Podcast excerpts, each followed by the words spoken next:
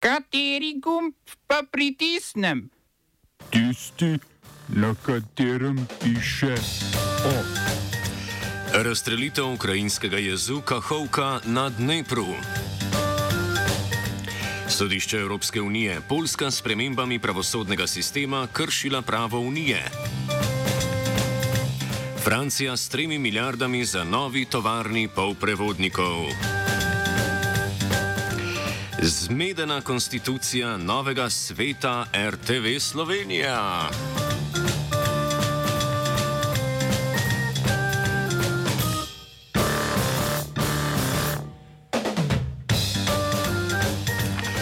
Blizu mesta Nova Kahovka v južnem delu Ukrajine, ki ga nadzorujejo ruske sile, je eksplodiral del jezu Kahovka. Zaradi poplav, ki so posledično nastale, so ruske okupacijske oblasti v okrožju Nova Kahovka razglasile izredne razmere. Ukrajinsko južno vojaško poveljstvo trdi, da so jez raz razstrelile ruske sile z namenom preprečitve prečenja Dnepra ukrajinskim vojakom. Vladimir Saldo, ruski župan v Hersonski regiji, je razstrelitev naprti Ukrajincem, ki naj bi s tem prikrivali neuspehe svoje protiofenzive. Ukrajinsko ministrstvo za energijo je sporočilo, da uničenje jezu ne predstavlja grožnje energetski stabilnosti države. Jez, visok 30 metrov in dolg nekaj čez 3 km, je bil zgrajen leta 1956 na reki Dnepr kot del hidroelektrarne Kahovka. Iz rezervoarja se z vodo napajata Krim in hladilni bazen jedrske elektrarne za porožje, ki je trenutno prav tako pod ruskim nadzorom. Mednarodna agencija za jedrsko energijo je sporočila, da v elektrarni ni neposrednega tveganja za jedrsko varnost zaradi porušitve jezu. Evropska komisija je do polovice septembra podaljšala prepoved brezcarinskega uvoza ukrajinskega žita v vzhodne države. Kot doslej prepoved velja za pšenico, koruzo in semena ogrščic ter sončnic. Kmetijski proizvodi lahko skozi Polsko, Mačarsko, Slovaško, Romunijo in Bolgarijo zgolj prehajajo v druge države članice ali v tretje države. Žito ne sme na njihove trge.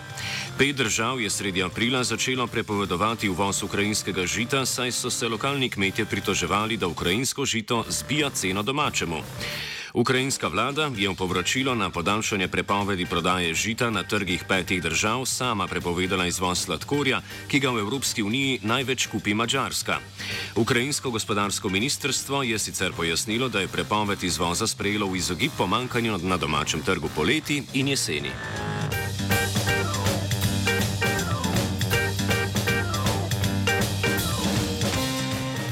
Sodišče Evropske unije je za kršitev evropskega prava spoznalo dodatne elemente reforme polskega pravosodnega sistema. Sodna reforma iz leta 2019, kakor je že prej ugotovilo sodišče, spodkopava neodvisnost sodnikov.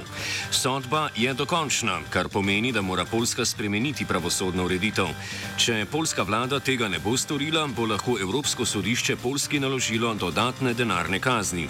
V reformi je bil sporen tudi člen, ki je zdaj že odpravljen odpravljenemu disciplinskemu senatu Polskega vrhovnega sodišča omogočal kaznovanje sodnikov za njihove sodbe. Namestnik polskega pravosodnega ministra Sebastian Kaleta je razsodbor označil za farso, dvomi pa tudi v pravico Evropskega sodišča do odločanja o tovrstnih zadevah.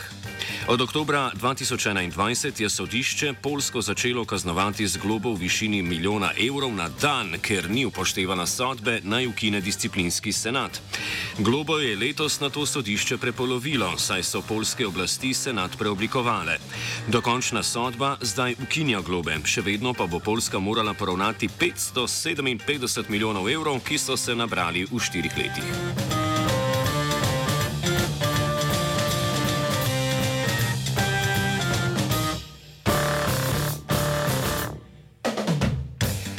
Francoski gospodarski minister Bruno Le Maire je s podjetjema ST Microelectronics in Global Foundries podpisal sporozum o ustanovitvi dveh tovarn polprevodnikov v Franciji.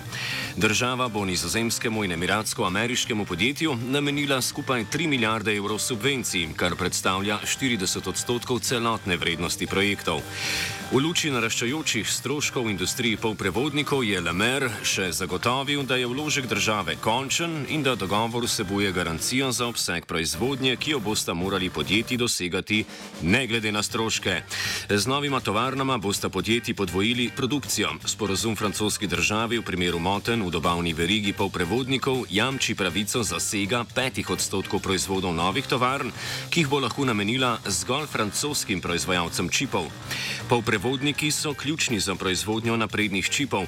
Za dostop do njih zato Združene države Amerike in Kitajska bijeta trgovinsko vojno.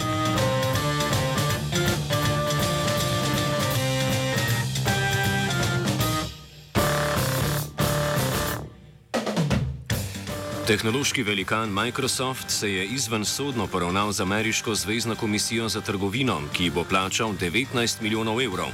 Komisija je tehnološkega velikana obtožila, da je brez privolitve staršev zbiral osebne podatke otrok. Po navedbah komisije je podjetje to počelo s podatki otrok mlajših od 13 let, ki so se prijavljali v igralni sistem Xbox med letoma 2015 in 2020. S tem je Microsoft kršil zakon o varstvu zasebnosti otrok otrok na spletu. Podjetje je moralo poleg poravnave pristati tudi na zahteve komisije po uvedbi dodatnih ukrepov za zaščito mladoletnih uporabnikov Xboxa. V skladu s tem naj bi razvili nov sistem preverjanja identitete in starosti. Poravnava predstavlja neznaten znesek, glede na to, da je bil dobiček podjetja v letu 2022 skoraj 136 milijard.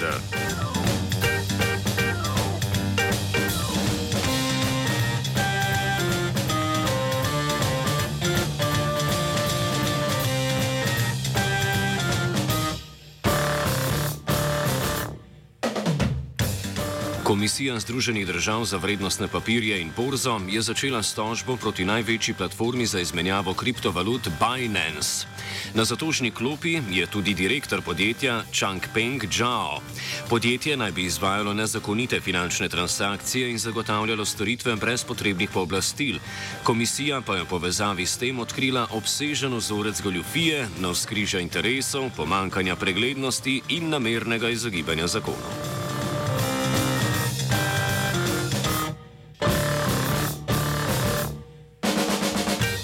Nekdani ameriški podpredsednik Mike Pence je uradno napovedal, da se bo boril za republikansko nominacijo za predsedniško tekmo leta 2024. Predstavlja se za tradicionalnega republikanca, zaskrbljenega s fiskalno politiko in družinskimi vrednotami, ki lahko uresniči Trumpovo gospodarsko politiko, a brez drame, ki jo je povzročal nekdani predsednik. Smo se osamosvojili nismo se pa osvobodili. Da se naštejete še 500 projektov. Izpiljene modele, kako so se strani nekdanje LDS rotirali. Ko to dvoje zmešamo v pravilno zmes, dobimo zgodbo o uspehu. Takemu političnemu razvoju se reče udar. Jaz to vem, da je nezakonito, ampak kaj nam pa ostane? Brutalni obračun s politično korupcijo. To je Slovenija,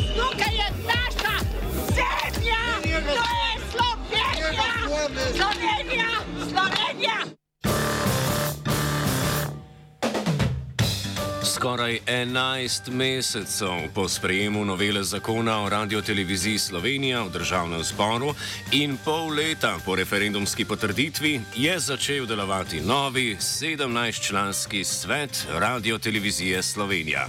Nadomestil je dosedani programski in nadzorni svet. Njegov predsednik je postal Goran Forbici, sicer direktor Centra za informiranje, sodelovanje in razvoj nevladnih organizacij. Na položaj namestnice so izvolili generalno sekretarko članko Društva novinarjev Slovenije Špelo Stare. Svet je na prvi seji med drugim imenoval devetčlansko komisijo, ki bo pripravila razpis za novo upravo javne medijske hiše. Konstitu konstitutivne seje se ni udeležil vršilec dožnosti generalnega direktorja RTV Andrej Grah Watmow. Novi svetniki kljub kritikam vršilca dožnosti Watmowa niso razrešili, saj niso vedeli, ali lahko to že storijo so pa v Atmovu naložili vrsto obveznosti. Predsedniku sveta bo moral dnevno poročati o naročilih nad 20 tisoč evri, o vseh pogodbah o zaposlitvi in drugih kadrovskih odločitvah. Opravlja namreč zgolj tekoče zadeve, svetniki pa so se strinjali, da je do zdaj počel več kot leto. Svetu bo moral Atmov predložiti tudi podrobnosti o poslih televizije z galerijo HB in nakupu grafik v vrednosti okoli 50 tisoč evrov.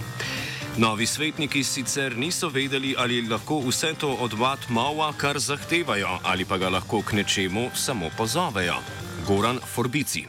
Škoda, da nimamo tu koga sicer, ki bi nam to pojasnil, ampak skratka odbori, ki so bili imenovani v preteklosti po zakonu, še imajo mandat.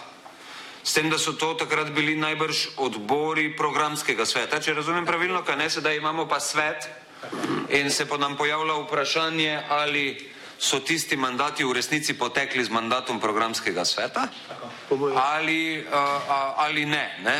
Zdaj, uh, dajmo to, a vam je kolegom iz teh odborov, ker v resnici gre za, se mi zdi, mislim, da je prav, da prisluhnemo predvsem vam tukaj, ne, a, a bi vam bilo prav, da se do, do prido, prav, pridobimo do naslednje seje pravno mnenje v zvezi s tem in takrat odločimo?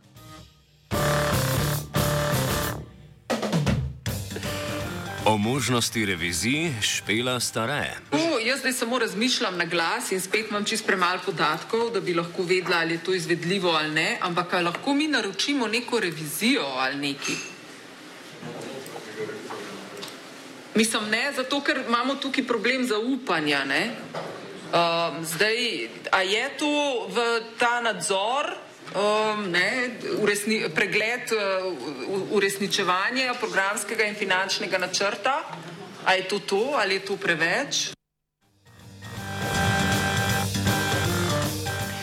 Vlada je razrešila generalnega direktorja direktorata za vode na Ministrstvu za naravne vire in prostor Bojana Dejaka.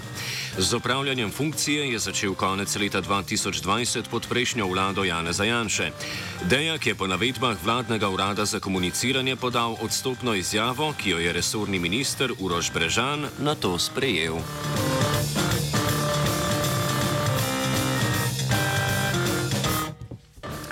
Off je pripravil Filip.